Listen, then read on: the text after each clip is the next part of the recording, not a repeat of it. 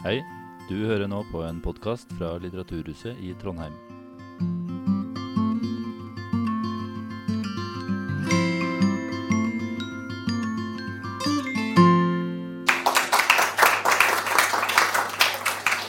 Takk for det.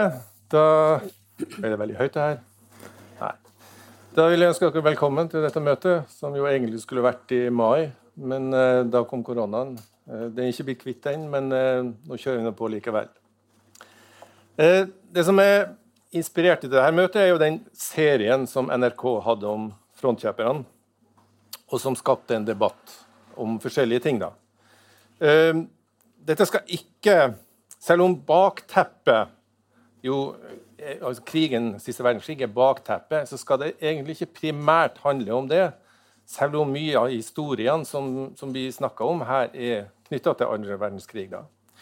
Eh, derimot så skal det handle primært om den valgsituasjonen som folk sto overfor både under andre verdenskrig og i lignende situasjoner. Altså, vi har ungdommer som drar til Midtøsten og skal være med i IS, f.eks. Eh, jeg husker det var noen år siden vi hadde noen som dro som skulle være i fremmedlegion osv. Uh, så det problemstillingen som jo var aktuell under verdenskrig, andre verdenskrig Folk verva seg til østfronten, uh, ble NS-medlemmer osv. Uh, den er relevant i ulike grader av likheter. Og så er det det at hvordan behandles disse etterpå? Altså Man står i situasjoner hvor man tar en valg. Skal man støtte den, eller skal man støtte den? ikke sant? Og så dømmes man eh, etterpå, og det var jo mange eksempler på det. Og historier skrives som oftest av vinnere.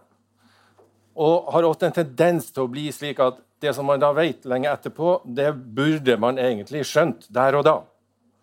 Og det er det vi vil på en måte nyansere, eller hva si, stimulere til å reflektere over er det en rettferdig tilnærming. da? Kan vi forvente det, at man en alder av 16-17-18 år For mange var veldig unge under andre verdenskrig. da. Og mange av de som drar til å støtte IS, for eksempel, er ganske unge. da. Kan vi stille sånne krav? Eller, og, dermed, og videre, hvordan bør vi behandle de etterpå? Det er det som på en måte, når vi er ferdig med det her, at vi kanskje har bidratt til en slags litt mer nyansering av, av eh, den tilnærminga der. Altså. Eh, kanskje er, er, situasjonen litt mer komplisert og vanskelig enn det som vi behandler etterpå, når f.eks. under rettsoppgjøret. Og vi skal komme inn på rettsoppgjøret under andre verdenskrig, etter andre verdenskrig. Uh, OK, så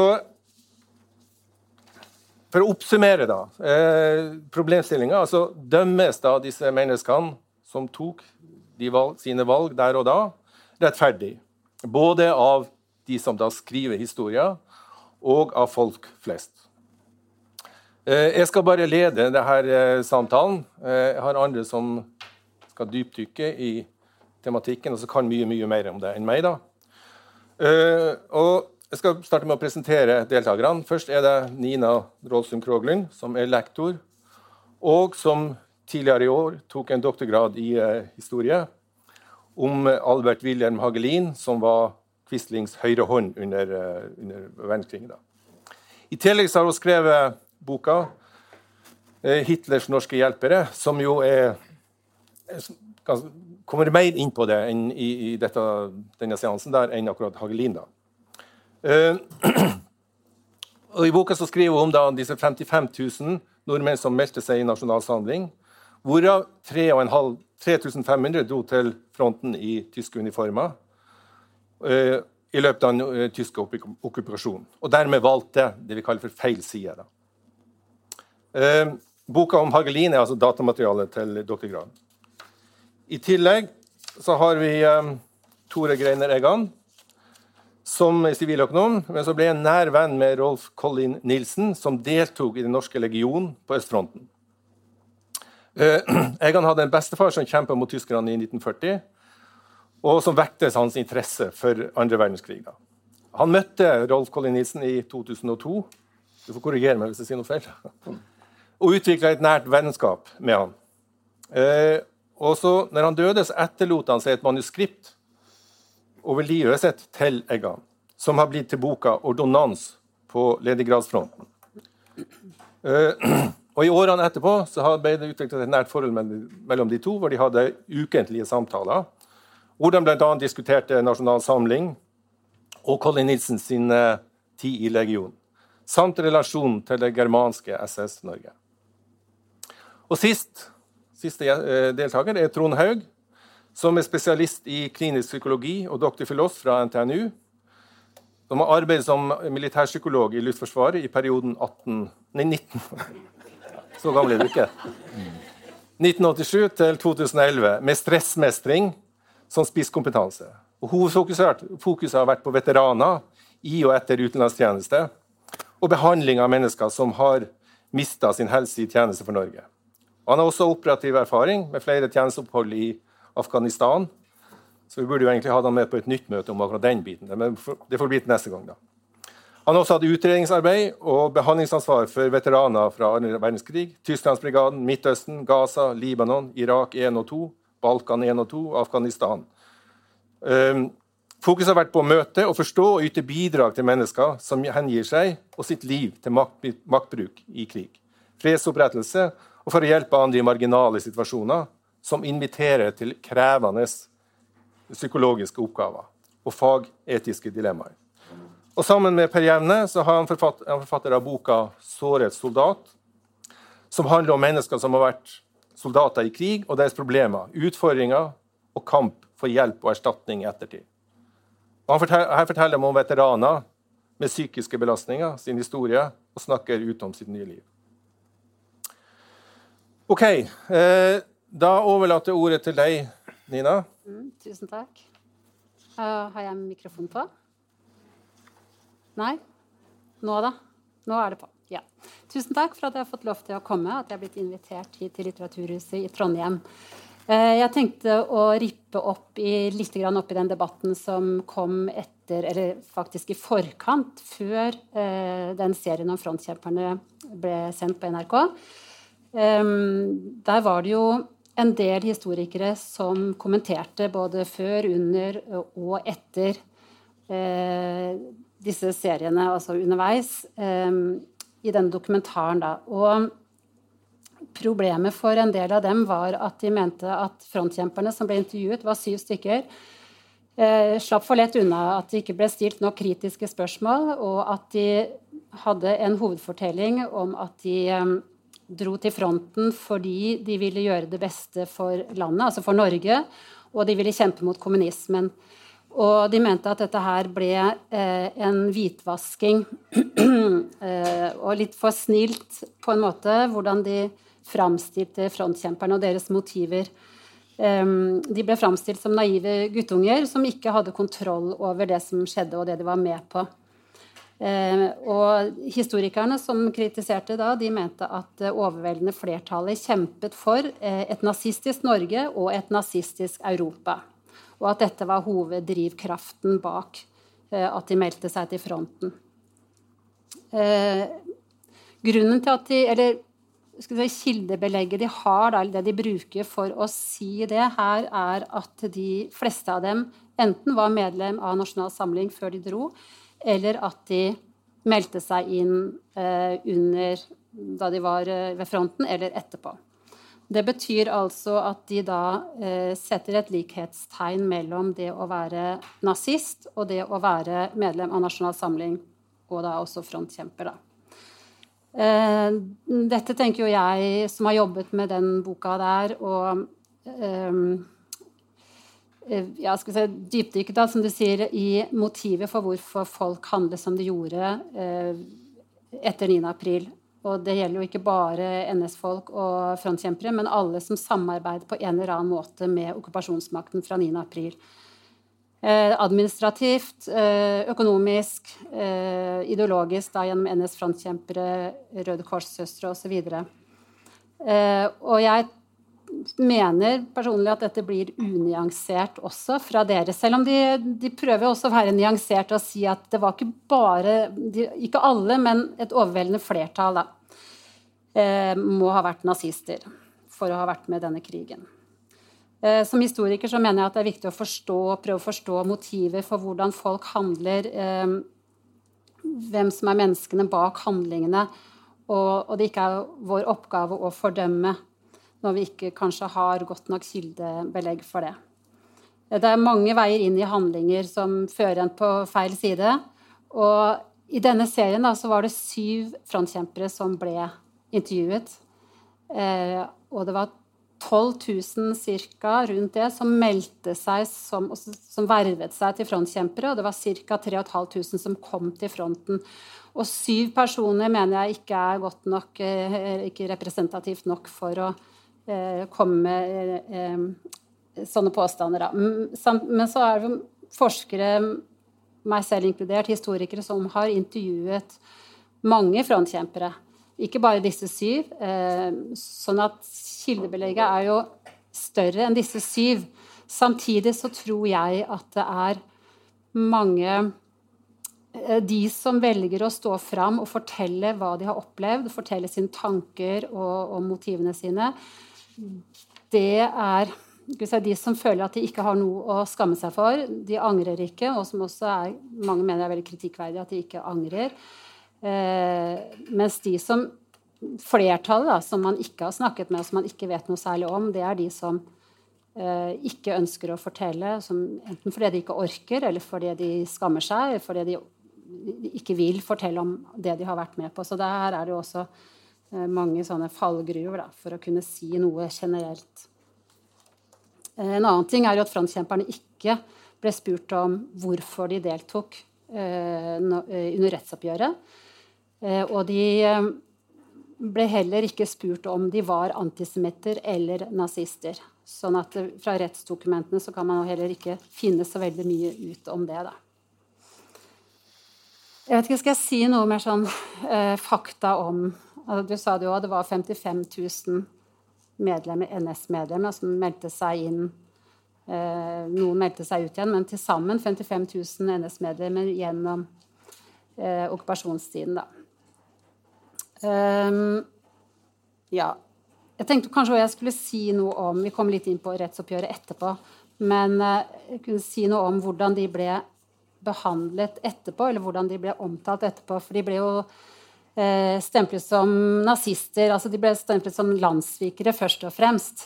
Og, og i den svart-hvit-fortellingen som oppsto etter, etter, etter, krigen, så var det å være landssviker eh, det samme som å være nazist, for så vidt. Mer eller mindre. Eh, men ja, disse, disse, medlemmene da, de kom jo fra store deler av Fra hele Norge. De var, um, kom fra alle lag av befolkningen, alle aldersgrupper, alle yrkesgrupper. Uh, Oslo omegn hadde flest uh, til sammen flest medlemmer i NS, mens Finnmark var det fylket som hadde størst oppslutning i forhold til folketallet. Så går inn på kommunenivå, da, så var det særlig de store sånn, landbrukskommunene som eh, Nord-Gudbrandsdalen, eh, Hedmark, Eh, Setesdalen, Østerdalen osv.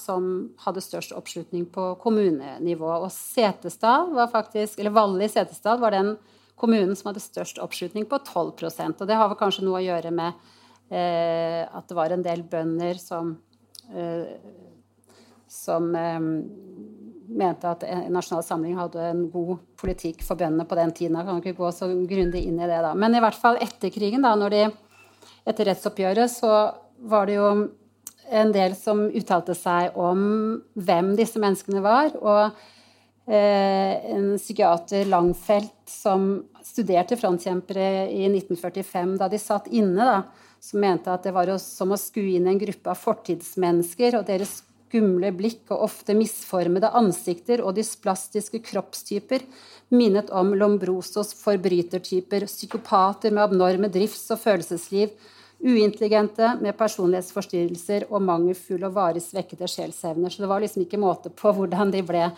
beskrevet. Og det samme eh, gjentok seg ofte i skjønnlitteraturen om eh, hvem disse menneskene var.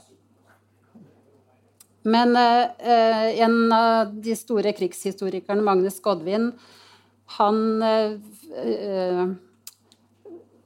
Han karakteriserte også på lignende måter frontkjempere og NS-medlemmer om at de var, særlig NS-medlemmene han snakket om, da, at de var hemningsløse karrierejegere og tapere, og at de hadde sosiale tilpasningsvansker. At de var venneløse og mislykte, hadde mislykte ekteskap og uforløste evner osv. De var forvirrede og overspente mennesker. Så det var en stempling av NS-folk på den tiden som var eh, ganske ja, ekstrem, da, kan du si. Eh, men i hvert fall Sånn skjer jo etter en krig. Det er eh, om å gjøre å få fram heltene og, og dyrke dem, og så de som da var på feil side, de var da de som på en måte eh, Hvis jeg får lov til å kommentere ja. når du snakker, så får jeg en sånn følelse av det, det nærmest er sånn ra raseteori, det her. altså. Ja. Jo da, ansiktene deres. det kan du jo si at på den Her har du en frontkjemper. Ja, de, kunne, de mente det da, at de mm. kunne se det på dem. Og og det var jo den tenkningen på den tiden var jo litt sånn rasetenkning. Det hadde det jo vært gjennom 30-tallet også, så det er kanskje ikke så rart at det kunne bli sånn på den måten, men det kan jo kanskje du si noe om etterpå. da. Hvordan det her... Men i hvert fall så var det veldig inndeling i gode og dårlige nordmenn. Og eh, riktig og galt, nazist, ikke nazist. Eh, og det var lite plass for nyanser, eh, i hvert fall så Eh, tett innpå krigen. Også, men det varte en stund, denne her eh, behovet for en eh, nasjonal konsensus om krigshistorien, og som også da ble et slags sånn verdigrunnlag for den norske eh, historieskrivingen om krigen ganske lenge. Um, men så endret det her seg noe sånn utover 80- og begynnelsen av 1990-tallet. Eh, hvor det ble mer åpent, eh, mer plass til nyanser osv. Um, men så, fra utover på 90-tallet igjen, så kan det virke som det har vært en dreining tilbake til liksom den fordømmende historiefortellingen. Og, og det kom jo av at uh, holocaust-forskningen skjøt veldig fart på 90-tallet etter Sovjetunionens fall, og det ble åpnet for arkiver, og man kunne gå mer Eh, etterforske eller undersøke mer hva som egentlig hadde skjedd. Ehm, eh, og da kom det også den måten å se historien på at alle var på en måte skyldige. Enten om de hadde vært med og drept jøder, om de hadde stått på sidelinjen og observert og ikke gått aktivt inn imot eh, Tatt aktivt motstand eller avstand så var på en måte alle skyldige i holocaust. Og det, man kan jo veldig eh, godt skjønne det behovet også, og det, den eh, På en måte få, få konkretisert da, alt det som skjedde eh, i forbindelse med holocaust og jødeforfølgelsen, som har vært en viktig del av historien, forskningen. Men i den slengen så har det jo da gått litt tilbake til at det at man måtte ha vært nazist for å Eh, delta i, som frontkjemper. På en måte fått mye sånn sterkere vektlegging igjen. da. Og det, det er jo sånn interessant da, at, eh, at, det har blitt sånn. Så ja, kanskje gi fra meg eh, Som en slags matematisk lovmessighet, nesten? Ja, kanskje det. eh, Tore, du ble veldig godt kjent med en av frontkjemperne. Kan ja. du gi oss et sånn innblikk i hvem han var, og hva han opplevelse og Ja, eh, Rolf Colin Nilsen ble kjent med da han var 79 år. Eh, en eh, oppegående, intelligent mann som eh, hadde tjenestegjort i den norske legionen ved fronten. Først, som, eh, først og fremst ordenen da. Eh, Rolf var også medlem av Nasjonal Samling. Eh, han var tidlig medlem. Han ble medlem allerede som 12-13-åring vanka sammen med familien, eller stesønn til eh, professor Skanke fra NTNU. Og ble godt kjent eh, med Nasjonal Samling og den ideologien de hadde på den tida. Det sa han poengtert. Altså, på den tida det er en forskjell på ideologien som endra seg utover krigen. Uh, han uh, ble Eh, rykka opp i partiet. Dvs. Si han fikk seg en eh, organisatorisk stilling i departementet i Oslo. Idrettsdepartementet. Eh, da tyskerne angrep Russland. Eh, det ble liksom vendepunktet for han, eh, det som skjedde der og da. Eh, han vendte seg til Den norske legion sammen med sjefen sin og en god del av de andre som han kjente i Trondheim og i Oslo. Veien derfra var jo forutbestemt for dem. Det var Finland de skulle til, men det var jo ikke der de havna. De havna ved Leningrad-fronten etter å ha vært fem måneder under trening i Tyskland. Det som skulle være en seks måneders utenlandstjeneste, som det sto i kontrakten, endte opp med at han dro ut i 41 og kom tilbake i 43. Så han var nærmere to år ut eh, medregna opplæringa i Tyskland. Eh, han kom tilbake til Norge, fortsatt eh, Egentlig hadde han tenkt seg å få seg en sivil jobb, men ble bedt av eh, organisasjonen, altså ledelsen i NS, om å ta kontakt med fylkeskontoret her i Trondheim. for å, De ville gjerne ha tak i ham. Uh, han fikk seg jobb som, um, som adjutant for Henrik Rokstad.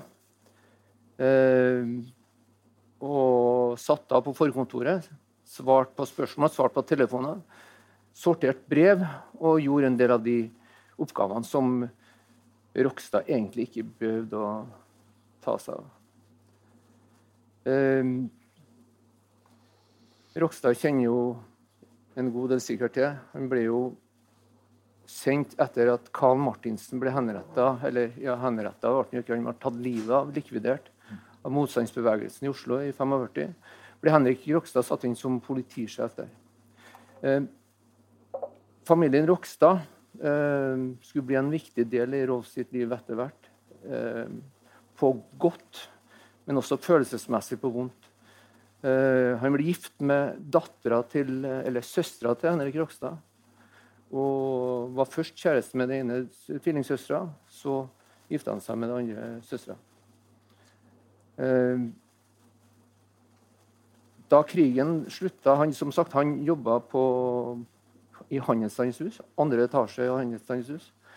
Og da krigen stoppa, slutta, så gjorde det som han tenkte var riktig, og som han mest blitt kritisert for, både fra eh, motstandssida og av eh, dem som var medlemmer av Nasjonal Samling, var at han brente ned det han kunne av Nasjonal Samling sitt kartotek i Trondheim.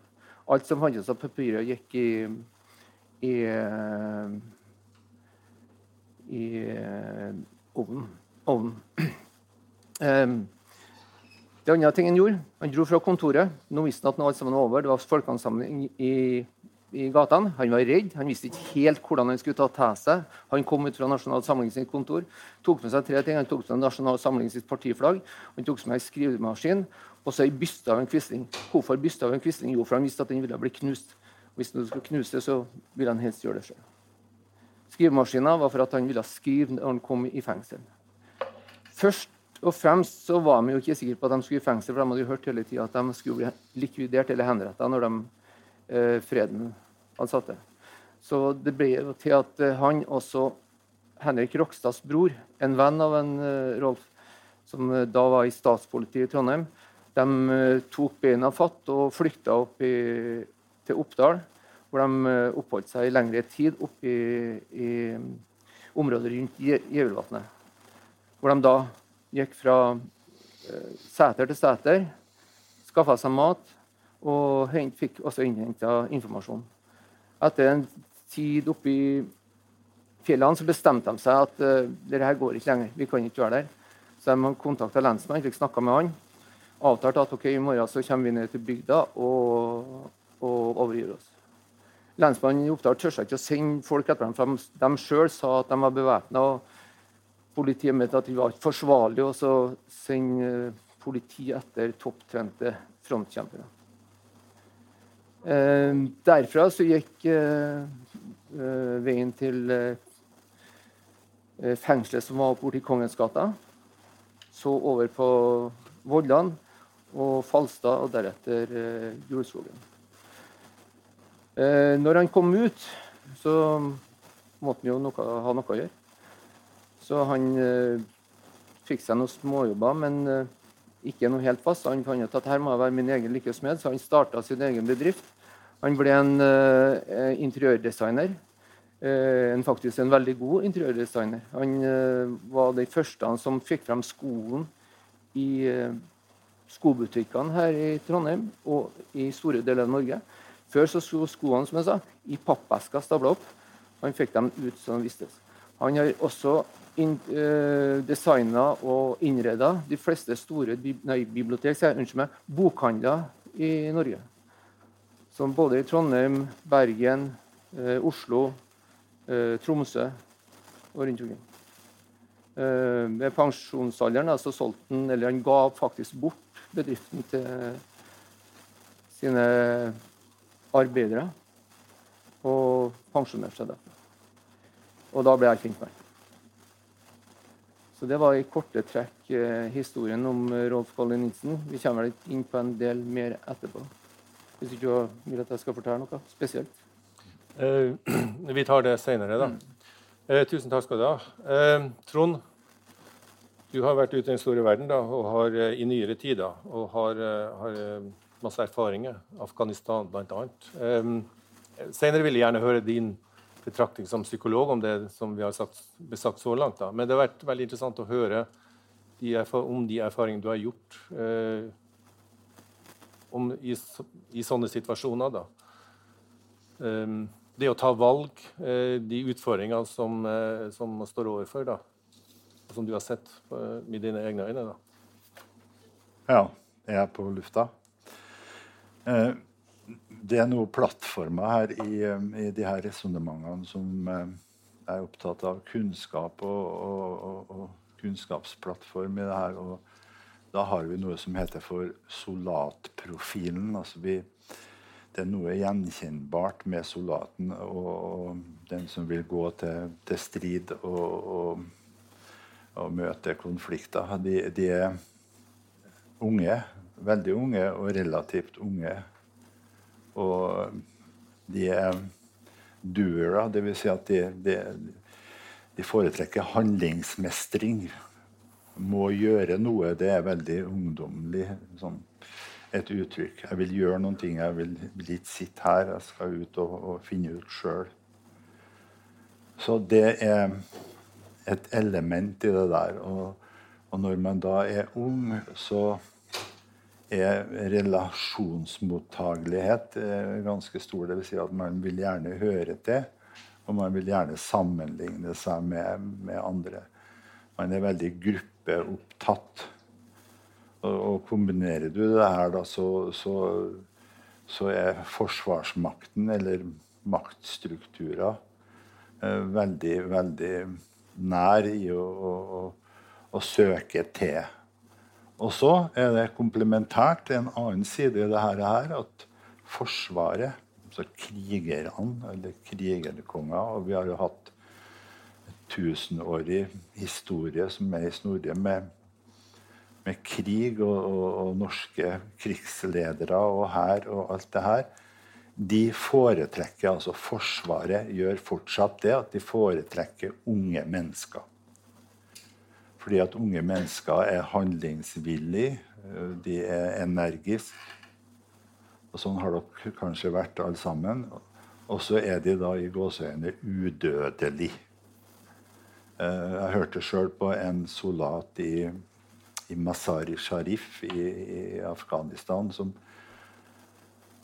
kom til meg når jeg snakka med obersten, som var plasskommandant, for at han skulle bruke meg som eh, argumentasjon, og sa at han ville ut og møte Taliban. Han ville ikke være så mye inne i, i leir og bak panser og sånn. Og da svarer obersten at eh, akkurat sånn som det er nå, det med så mye stridigheter, og Taliban er på, på hogget, så får du ikke det. For jeg vil ikke at du skal bli skutt sier obersten. En, en uh, voksen mann. Da sier soldaten, og da gjengir det sånn, den ungdommelige holdning Kan ikke jeg bare få lov til å bli skutt litt, da? Og det var, det var genuint, det var ekte. Han ville ut og prøve seg ut og risikere. Og, og det, ungdommen. og det har jo forsvarsmakten alltid vært glad i. Og så eh, finner vi da, altså Når vi undersøker det her Vi har undersøkt våre soldater nå så godt som det lar seg gjøre da i det siste eh, krigsteatret her i Afghanistan. Vi undersøkte dem, fulgte dem tett i oppsettingsperioden, som det heter. Og vi da, det er militærpsykologer, spesialister på, på stress og, og, klinikk. Fulgte dem i de oppsettingsperiodene, altså opplæringa til å skulle dra i utenlandstjeneste. Vi dro til Afghanistan og vurderte dem midtveis i, i, tjenesten og så hvordan det gikk. Alt dette hadde overtoner av å, å, å, prøve å sikre helse. Altså, vi skulle ikke ha noe, noe krigsskader. Altså, det er et paradoks også sånn, når generalene sier til psykologene at nå må dere sørge for å ta ut de som tåler å gå i krig så er det et paradoks. Det, det fins ikke sånn i, altså Vi er sårbare som mennesker. Og, og vi sier til svaret tilbake da, at krig er ikke bra for helsa. Det er ikke det, og har aldri vært det heller. Men det var det som var overtonene. At vi skulle da følge de da, sånn at det skulle bli minst mulig bry da, eh, for Forsvaret etterpå. For Forsvaret har Og det er historikk. Forsvaret har et godt forhold til døde soldater. Det blir veldig vakkert hvis du har sett seremoniene fra hjemkomst med kiste på Gardermoen. De har veldig godt forhold til friske soldater, de som da står han av, som det heter oppe i Nord-Norge. Og, og, og, som ikke lar seg Ser ikke ut som de har røyna noen ting. Men vi har et kjempeforsvar, og et kjempeproblem med de som da kommer ut med mentale skader. Altså som ser streit ut, men som da har med seg mye av uh, påkjenningene inni hodet og sjela. Og det er et problem. Traumatisering og stressreaksjoner er et problem fordi at det er ikke bare den enkelte soldat som, som da blir dimittert med skader, men den blir også, tar det med seg i, til familien sin og til hjem, stedet, kommunen. Så det, det forplanter seg. Så Forsvaret, det, altså, det er en drift der Forsvaret og, og, og denne krigsmakten den trekker på seg ungdommer. Og da når jeg sitter og ser på det der For når, vi, når jeg ble engasjert i denne historien her som jeg ikke visste var så ille Jeg syns den er meget ille. Det, det, er ubehagelig å se på at Norge for 75 år siden er det det, oppførte seg sånn som vi gjorde. Jeg skal si noe mer om det, og du får stoppe meg Harry, hvis, det, hvis det blir for mye, da. Men eh, nå glemte jeg hva jeg skulle si. Jeg mista tråden sjøl. Hvor var jeg? Så dette med, dette med å, å, å, å, like å være med på en innsats det ungdommelige. Og det spoler jeg tilbake til når jeg satte meg ned og så denne eh, NRK-serien om frontkjempere.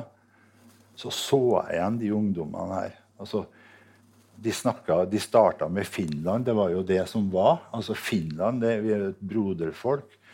Og, og, og så hadde man i, i ideologien sin norsk bondekultur var vel ikke veldig fascinert av eh, bolsjevismen. Dette med kollektiv og utradering av private gårder og hjem og sånt. Alt skulle jo lages til en kommunistisk stormaskineri, og det, det likte man jo ikke. Og jeg tenker jo at Når jeg leser boka di, så står det jo ikke eksplisitt, men jeg tenker jo at det kom jo mange fra bondesamfunnet her som skulle slåss mot bolsjevismen. Og det ja, det kan være grunn nok en grunn til det, som, som er veldig gode Ungdommer gjør ting. Unge mennesker gjør ting. Og det å hjelpe finnene imot det, den overmakten som kom østfra, ja. Det, det trekker på seg. Og Max Manus-filmen Max Manus er jo en helt eh, opplest og vedtatt motstandsfelt. Den filmen starter jo i Finland. Den gjør jo det. altså Filmen der med, med vinterkrigen.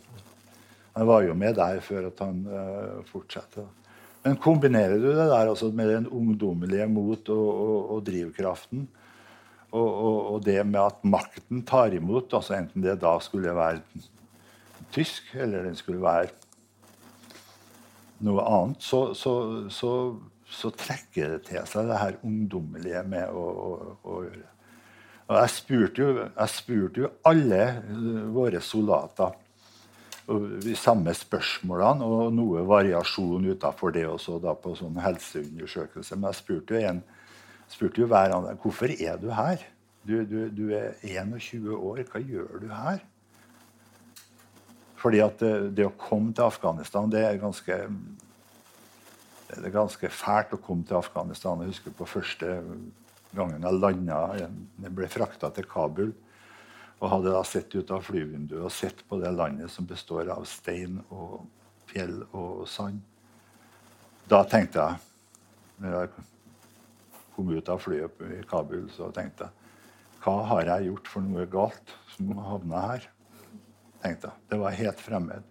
Men jeg spurte en, og, og, og det artigste svaret jeg fikk da, hva, hva gjør du her? Og det satt litt inn, det ble litt mye snakk litt rundt. Og så sier han da For jeg vil ikke bli som en pappa. Ja, hvordan en pappa? Nei, han sitter i sofaen hjemme. Han er verdensmester. han. Vet du hva han gjorde her om dagen sin? Han ringte meg på mobiltelefonen. I perioder så gikk det og fortalte meg hvor Taliban sto hen. Sånn vil ikke jeg bli. Jeg skal ut og erfare sjøl. Det var det som var det var det ungdommelige. Jeg skal ut og se hvordan dette her er sjøl og, og, og, få med det som livserfaring. Og Dere syns jeg så igjen i, i portretteringa av frontkjemperne også. De hadde valgt. De hadde valgt noen ting, for de ville gjøre noen ting. Jeg så ikke et spor av at de hadde valgt ideologien til, til Hitler. Det så ikke jeg noe spor av. Og da er det historiske analyser om at de kanskje fordekker det, da, men det er ikke sannsynlig, sier jo én historiker. i alle fall. Og når du sier da, Nina, at de, de ble beskyldt for å være naiv og utviklingshemma og, og, og, lite reflektert når de søker, søkte den tjenesten der. Og så samtidig da, blir de konfrontert etterpå, etterkrigstida med at det var et bevisst valg nazismen. Det hører jo ikke i hop. Altså, dumskap gjør ikke bevisste valg. Mm. Så det, det, det, det, er en sånn Da kommer vi inn på den delen her da, som er en, en vendetta, eller at det, er fordømmelser og stigmatisering og, og, og sånn. Og de har fått til å spille inn en, en kunnskapsvariabel til. At den menneskelige feil, det å velge feil, det den ble tatt ut av psykologien for 40 år siden. Fordi at det, det, det, det ga ikke noe informasjon. Og fra da så begynte det å hete den menneskelige faktor. Når man analyserer f.eks. flyulykker, da, som, er, som, er, underholdning i dag på, på, på, på, dokumentarkanalene, så er det human factor som undersøker. Hvor går det feil hen? Flyene gjør ikke feil, men hvor er den menneskelige feilen de som har lura til alt det her tragedien her? Så det er en menneskelig faktor. Man snakker ikke om feil. Man gjør feil lenger. For feil har ikke noe Hvorfor gjør man ikke det? Det er ikke for å pynte på, på, på vokabularet eller være sånn snillismepsykologi, eller noe sånt, men det er fordi at når man snakker om den menneskelige faktor, så får man mer kunnskap. altså Man kan analysere og analysere og finne ut Hvorfor gjorde du det? Hvorfor gjorde du det? Hvorfor har det vært sånn? Og da har jeg sett det i, i, det som er beskrevet i den norske filmen, her, at det, det er et ras av medvirkende faktorer. altså Én, to, tre, og så blir det det og det og det. og det. Til slutt så er man stuck inni i en virksomhet. da, Som finnes det mye, mye kunnskap om. Da har du um, føler du har på en måte lagt en sånn glidende overgang til det som neste spørsmål som jeg har lyst til å utfordre dere alle på. Det er nemlig dommen. Altså, vi, vi, som jeg sa innledningsvis eh, det, Ofte så blir man behandla som om man burde visst hadde all den kunnskapen tilgjengelig når man tok det valget der og da. da. Du snakker om umodne guttunger. Egentlig så snakker du det om de mellomlinjene også. Eh, Begrensa kunnskap osv. Så, videre. eh, så er, da er spørsmålet liksom, er historiens dom for brutal. da? For legger man til grunn at de skulle visst ting som var, egentlig var umulig å vite. For at eh, første delen av krigen så trodde jo mange at Tyskland skulle kanskje gå ut som seierherre. da. Eh, og du har også, når vi har Før det møtet så har du snakka om eh, situasjoner som man står overfor i Afghanistan, hvor det er sånn 50-50. Hvem blir vinnende? Blir det Taliban eller kommunistene? ikke sant? Fordi at det å velge riktig er veldig avgjørende for situasjonen etterpå osv. Så, videre. så all altså, det jeg prøver å si, det, er, det er masse, masse, masse usikkerhet til stede når man tar valg, enten man er moden person eller man er ung, umoden eh, soldat på 17-18 år. Frivillig. Mm. Så historiens dom er brutal, men er den for brutal? For brutal og, og ikke rettferdig. Um, ja. Det En ting som jeg kanskje kan si om det er, som er litt interessant med det norske rettsoppgjøret, var jo det strengeste kanskje i hele Europa. Og bare det kan jo kanskje bety at det norske folk er eh, lite forsonlig og et hevngjerrig folk. Jeg vet ikke. Men det, det, er jo litt rart, for Norge var jo det landet som kanskje kom nesten best ut av det, i hvert fall av de okkuperte landene. Så at det strengeste rettsoppgjøret var her, er jo litt interessant, da. Men eh, jeg hadde så lyst til å kommentere det fordi eh, hvordan, hvordan velger unge mennesker det, en professor Stein Tønneson, historiker, har sagt en gang at eh, et, menneske, et, menneskes valg ikke er basert på virkeligheten, men på deres oppfatning av virkeligheten. Og det samme er jo for oss. Vi, vi kan jo egentlig ikke si så veldig mye om hvilke oppfatninger av virkeligheten folk hadde på den tiden. Det er veldig lett å gjøre det med den kunnskapen vi får i ettertid. Så vi, vi, vet egentlig ikke hvordan de oppfattet virkeligheten. Eh, men eh, en annen ting du sa, var at eh, de ble ansett som psykiatriske tilfeller av de som hadde valgt fronten. ikke sant? Og det var jo en måte å desavgjøre folk som både hadde gått inn i NS og, og som frontkjempere, for at de ikke skulle ha noen betydning. Eh, Quisling var jo en tullebukk, ikke sant? og alle ministrene de var jo også evneverket, stort sett. Eh, men så kom det en studie, studie om frontkjemperne som viste at de, eh, flere, altså majoriteten av de som meldte seg til fronten, hadde eh, flere av de som hadde artium, f.eks. enn en resten av befolkningen sånn forholdsmessig. Da. Så de var jo ikke så dumme som man skulle tro, kanskje at de valgte som de gjorde. Jeg tenker at eh, en, noen, Det er noen faktorer her. Da, for man, man, glemmer ofte kontekst. Hvordan så politikken ut på 30-tallet? Hvorfor var det Som snakket om særlig kanskje bønder også, som hadde eh, sett hva som skjedde i Sovjetunionen med disse kollektivbrukene og selvstendig næringsdrivende som ble massakrert eh, ned for fote. ikke sant? Eh, det var jo en stor eh, skepsis mot kommunismen. Samtidig var det også en stor skepsis mot kapitalismen. Eh, så det slo begge veier. Så England var jo heller ikke så populær blant Som hadde liksom det moderne samfunnet eller moderniteten som vokste fram, som det også var veldig skepsis mot. Og jeg, tenker hvordan Hvorfor valgte de som de gjorde? Altså det, før før angrepet på Sovjetunionen, når det fortsatt krigen dreide seg mot England, så var det 200-300 frontkjempere, 200, frontkjempere som, som, reiste for å få utdanning i Tyskland og reise til fronten etter hvert. Selv om det var kanskje ikke så mye front på den tiden. Der, men de skulle ut og kjempe mot England. Likevel så sier de at de var kommunismen som de kjempet mot. Og det er det også som blir kritisert veldig, at det kommer ikke godt nok fram at de faktisk det var, eh, det var, Men selv så sier du at det var for Norge, og det var mot kommunismen. Så det er jo én ting mm, Men propagandaen var jo egentlig at de skulle bygge opp en ny norsk hær. Og det var jo da sikkert mange unge gutter som syntes at det var fristende da, å være med på det. Bygge opp en ny norsk hær, for da var det lettere eh, ved en fredsslutning. Tyskland sto veldig sterkt akkurat da. Folk trodde at Tyskland kom til å vinne krigen ganske raskt. Eh, å bygge opp en ny norsk hær som kunne gjøre det lettere for Norge å vise at de kunne være selvstendige. Eh, samtidig som det var misnøye med eh, England, som hadde lurt Norge inn i krigen. Eh, de hadde sviktet, De allierte hadde jo sviktet Norge. De trakk seg ut på en tid hvor det så ut som man kanskje kunne ha klart å overvinne tyskerne i nord.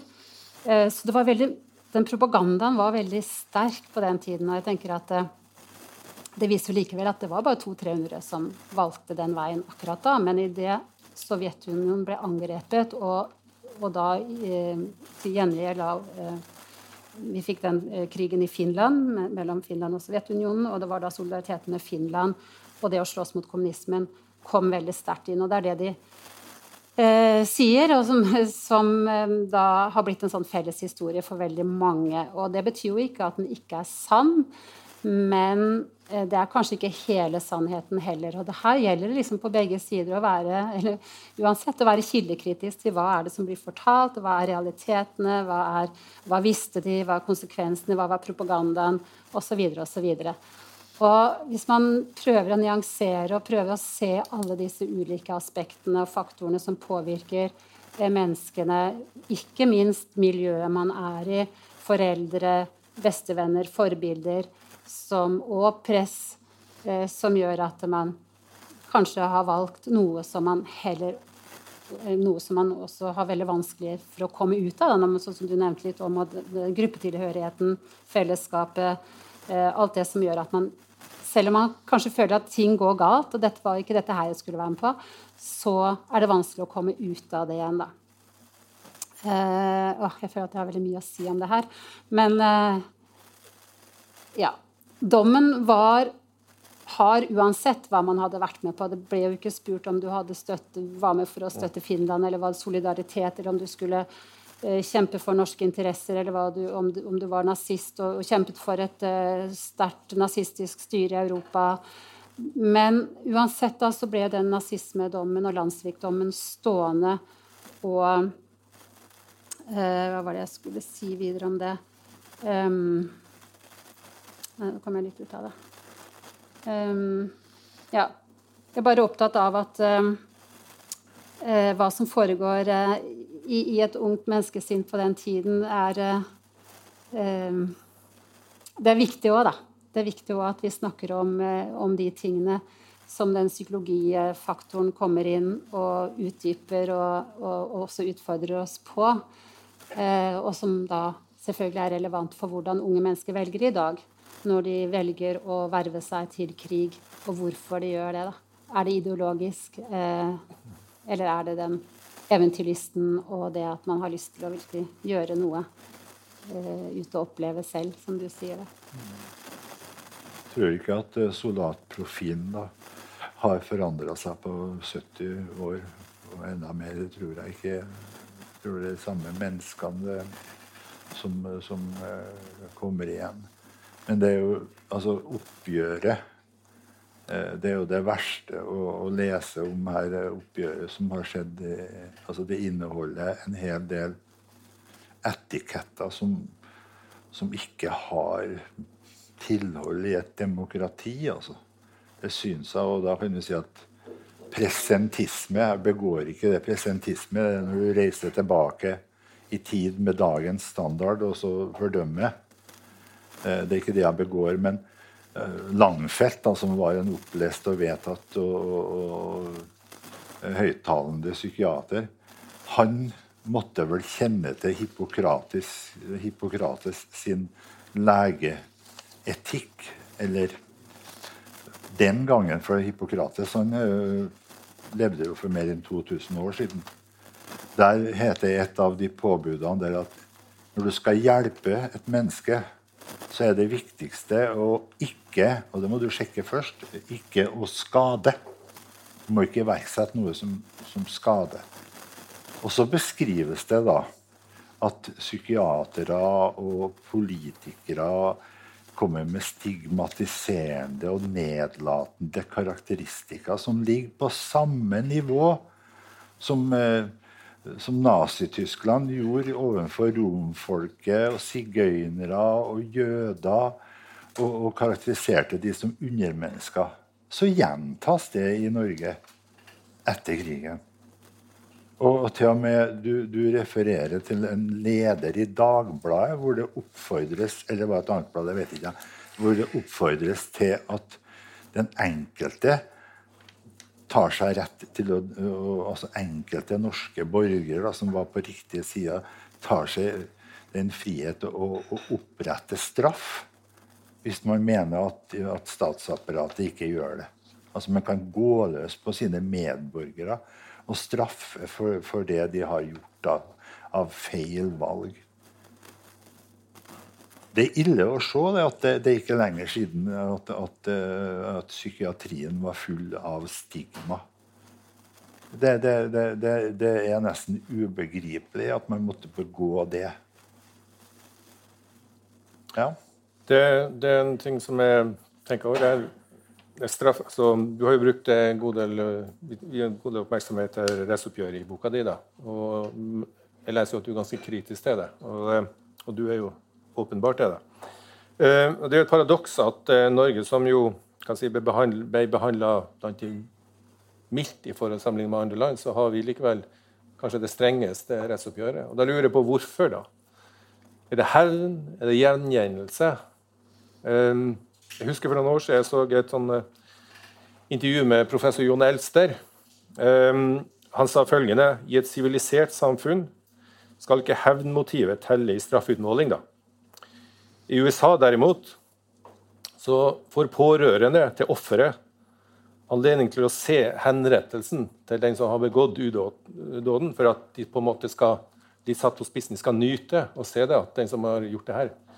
Og det liker jo ikke vi å sivilisere og, og, og, og, tenke at sånn er det i Norge. da. Men når jeg liksom har lest om det her rettsoppgjøret, så får jo en følelse av at hevn og gjengjeldelse eh, må ha vært en eh, viktig aspekt i, i, eh, som var til stede. da. Og så er det jo et paradoks da, vi skal ha debatt etterpå. Vi har En liten pause, og så får dere etterpå. Ja. du går litt frem, så ja. det. OK. Ja, OK. Jeg skal Ja, ja, ja det tar vi, tar vi etterpå, da. Men er, er det, er, var, det, var hevn, gjengjeldelse, et, eh, et, element, tror du, i det rettsoppgjøret som litt vektlagt litt for mye? Jeg tror jeg skal være litt forsiktig med å uttale meg om det, men eh, det har blitt sagt og skrevet mye om rettsoppgjøret opp gjennom tiden. Og eh, det er jo klart at det var en del kritikkverdige eh, forhold der. En del anordninger som ble utviklet uh, i London uh, i samarbeid med hjemmefronten, som ikke ble tilkjennegjort godt nok selvfølgelig for de som ikke hadde anledning til å lytte på BBC eller hadde anledning til å lese illegale aviser. Bl.a. blant annet det at det var ulovlig å være medlem av NS, ble jo ikke kjent før for veldig mange i hvert fall, før etter krigen, at det hadde vært ulovlig. Det ble også innført dødsstraff med tilbakevirkende kraft. En del sånne ting som som du kan si at selve rettsoppgjøret var nødvendig, og det var en del sånn, si, samfunnsnyttig, og det måtte gjennomføres. Men noen mener jo at det kunne ha vært gjennomført eh, ved hjelp av de lovene man allerede hadde, og at man ikke trengte å lage eh, nye anordninger. Og at da ville rettsoppgjøret ha det gått eh, bedre for seg, da. Og jeg tror også at en del av det som skjedde der, var en måte å opprettholde streng eh, sånn, hva skal vi si, folkefront mot de som hadde valgt feil, av de som hadde gått inn i NS og sånn, for å, for å vise at det her var ikke eh, OK, det her var helt galt. Eh, og at det ble ansett som landssvik. Og at det var en, også en måte, måte, å få folk til å skjønne at dette, sånn kan vi ikke ha det i samfunnet vårt. At noen velger feil side når vi er i en krig med fienden. Selv om det også var diskutert uh, om var vi i krig eller var vi ikke i krig. Det er jo også en stor debatt her, da. Men eh, det var jo ikke alle høyesterettsdommerne heller som visste helt om vi var i krig eller ikke. Men ja. Noen vil si at det var et hevnoppgjør. Andre vil nok si at det her var et så rettferdig oppgjør som man kunne klare å få til på kort tid etter en krig. Og at det var et slags overgangsoppgjør som måtte tøye lover og også grunnlover for å kunne gjennomføres på en god måte. Nå har det kommet en bok som tar for seg hele rettsoppgjøret og hvordan alle disse nye anordningene og det, det de blir dømt etter, hvordan de eh, forholder seg til Grunnloven og ulike grunnlovsparagrafer. Og de mener jo da at eh, det ble både tøyd og brutt, en del av det. Det er en interessant bok for den som er er interessert i rettsoppgjøret, hvordan det foregikk av Bård Borge og Lars-Erik Våle, da, som dere kanskje kjenner til den boka. Um, ja. Så noe hevnoppgjør var det antageligvis, og ute i samfunnet var det i hvert fall eh, en, eh, sånn, si, en stemning for hevn. Og det var også blitt sagt at man måtte ha et rettsoppgjør som kunne forhindre at det skjedde sånne ting som eh, det Dagbladet ønsket seg da, at folk tok saken i egne hender fordi ikke eh, folkestemningen var å straffe eh, hardt og effektivt på den tiden der, da. Mm. Apropos feil side, så kan dere jo ta med dere en sak som er pågående. Og de norske styrkene som de andre styrkene Det var vel 51 land som deltok i Afghanistan de siste 20 årene. Men vi kunne jo snakke om vårt eget. Norske styrkene har hatt et storforbruk av lokale afghanere. Som tolker alt det merkantil og rengjøringshjelp. Som har valgt feil side med invitasjon av nordmenn. Norske styrkene i Afghanistan og som hele tida har visst at det, det, ville komme et oppgjør med Taliban, som da oppfatter de her som har valgt feil side. Nå vet vi ikke hvordan det blir, men for ti år siden så starta den prosessen med at vi må ta disse til Norge. Vi må ta ansvar for de her nå som er så utsatt. Og da sa Forsvaret og departementene og politikerne nei. Det handler da om å bruke folk. Og da kan vi ta inn begrepet 'feil side'. Nå har det løsna litt. Og fordi at det er en internasjonal opinion, og tyskerne og, og, og amerikanerne tar hjem med ansvar. Altså De føler ansvar for det her. Og Taliban sier at de kan få reise også. Men det var feil side de valgte da også.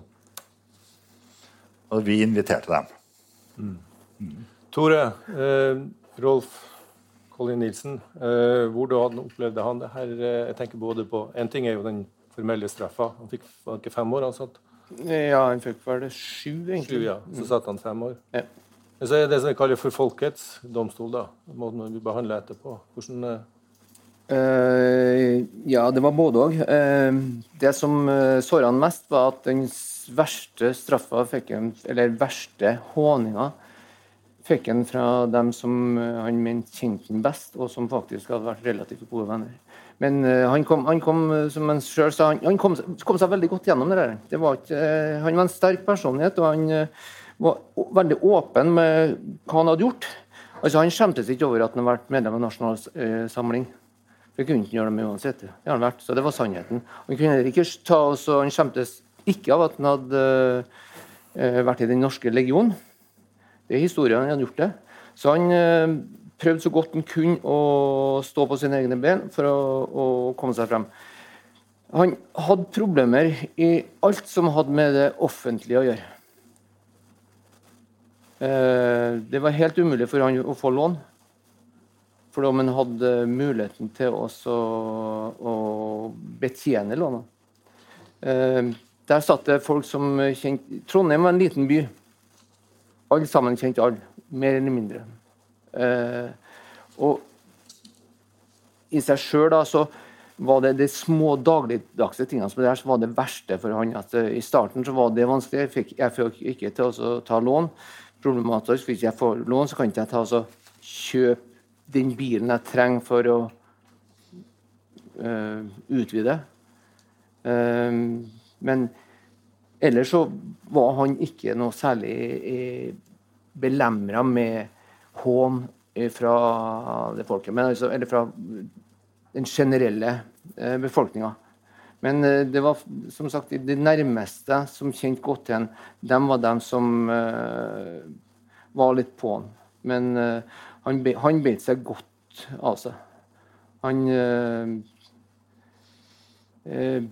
ble ikke Han ble fornærma, ja, men han øh, Som han sa, hva skal jeg gjøre, da? De kan jo si hva jeg vil. Jeg er meg. Jeg kan ikke gjøre noe med det. Jeg har gjort det. Og det står jeg for.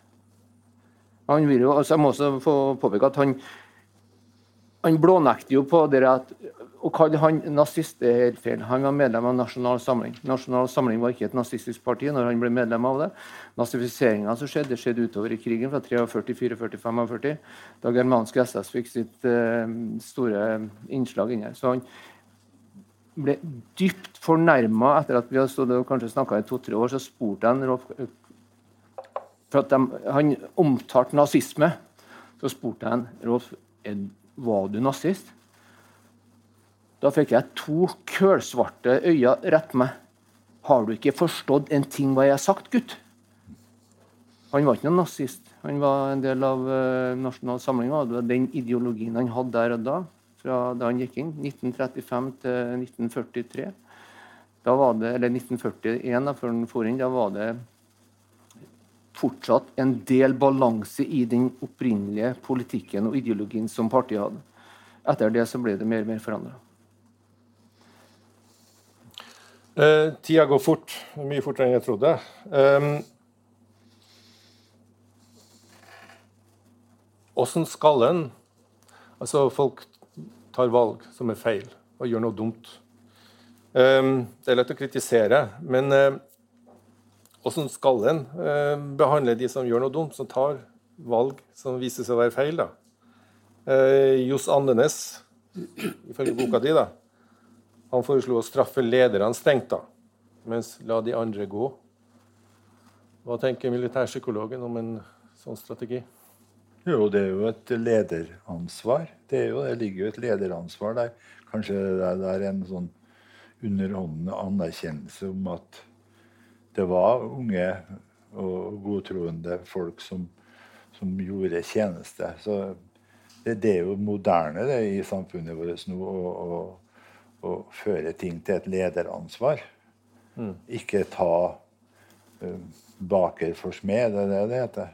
Så det at man uh, Så det, det, er jo, det, er jo, Han var jo forut for sin tid, da.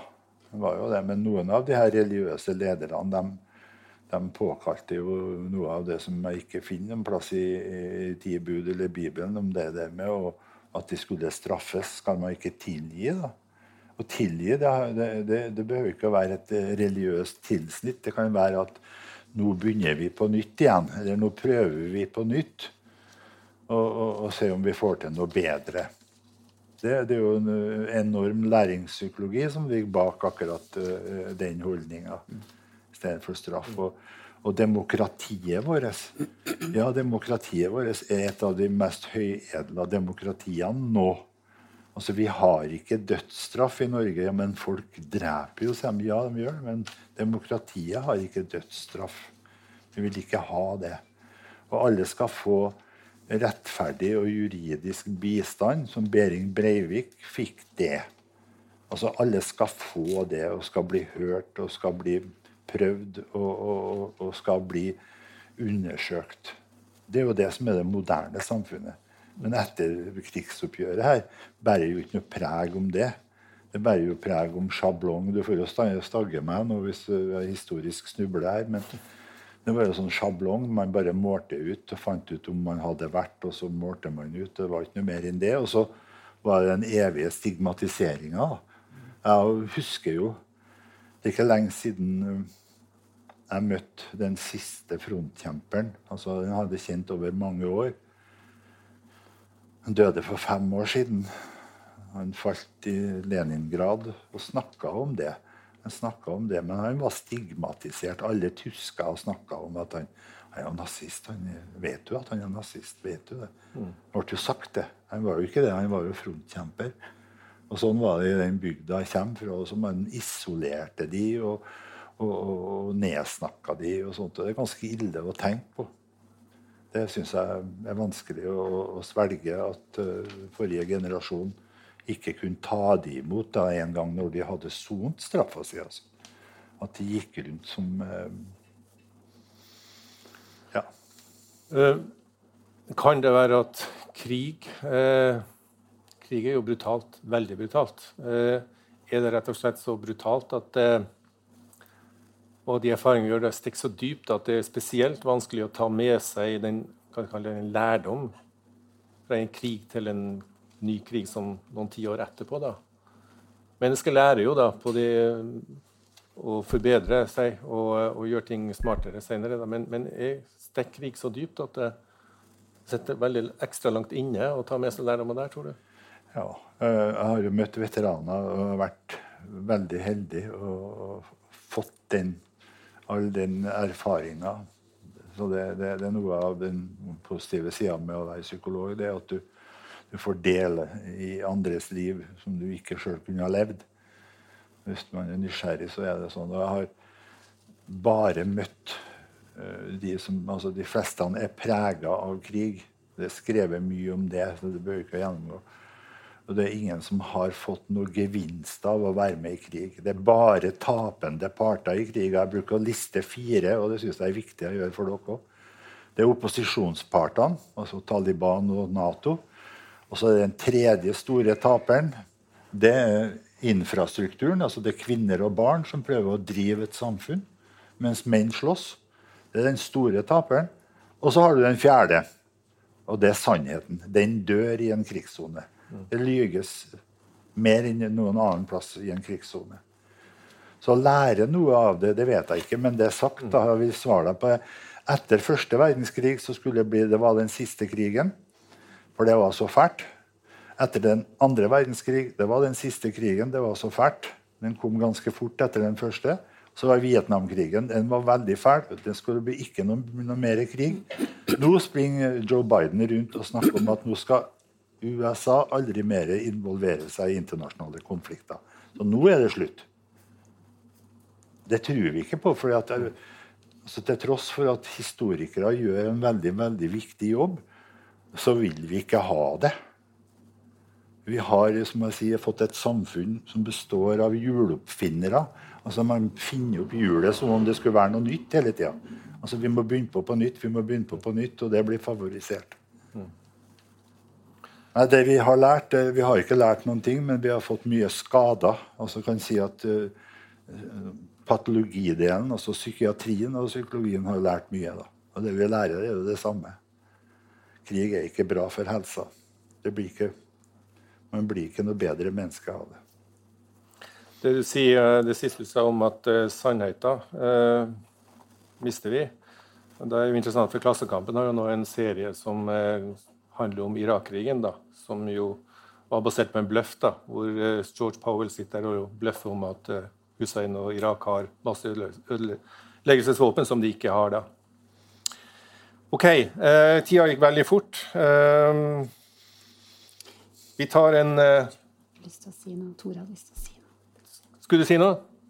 Nei, vi kan ta, så vi kan ta. Tenker altså, si, at, tenkte, Du spurte om en kan Rolf om en hadde det, altså, det verste som skjedde med Rolf, det var at han, altså, han, han takla det å bli kalt nazisvin. Det var ikke noe så galt. Men det verste som skjedde med ham, var han hadde fått seg jobb.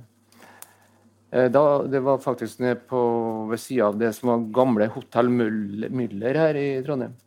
Da var det noen um, som hadde skrev, uh, hengt opp, skrudd fast en svær uh, plakat med uh, frontkjemper, frontkjemper eller nazijævel. Så han skulle, seg, han skulle, han skulle jobbe der. Um, og han regna med at okay, da gikk den jobben fløyten. Så han gikk og snakka med sjefen der, eller han som hadde ansatt ham fortalte hele opplegget, og han fikk beholde jobben. Det var vel kanskje det som han uh, sa best. Altså, uh, han tolererte det. Han, han godtok det ikke, nei. Men han tolererte det.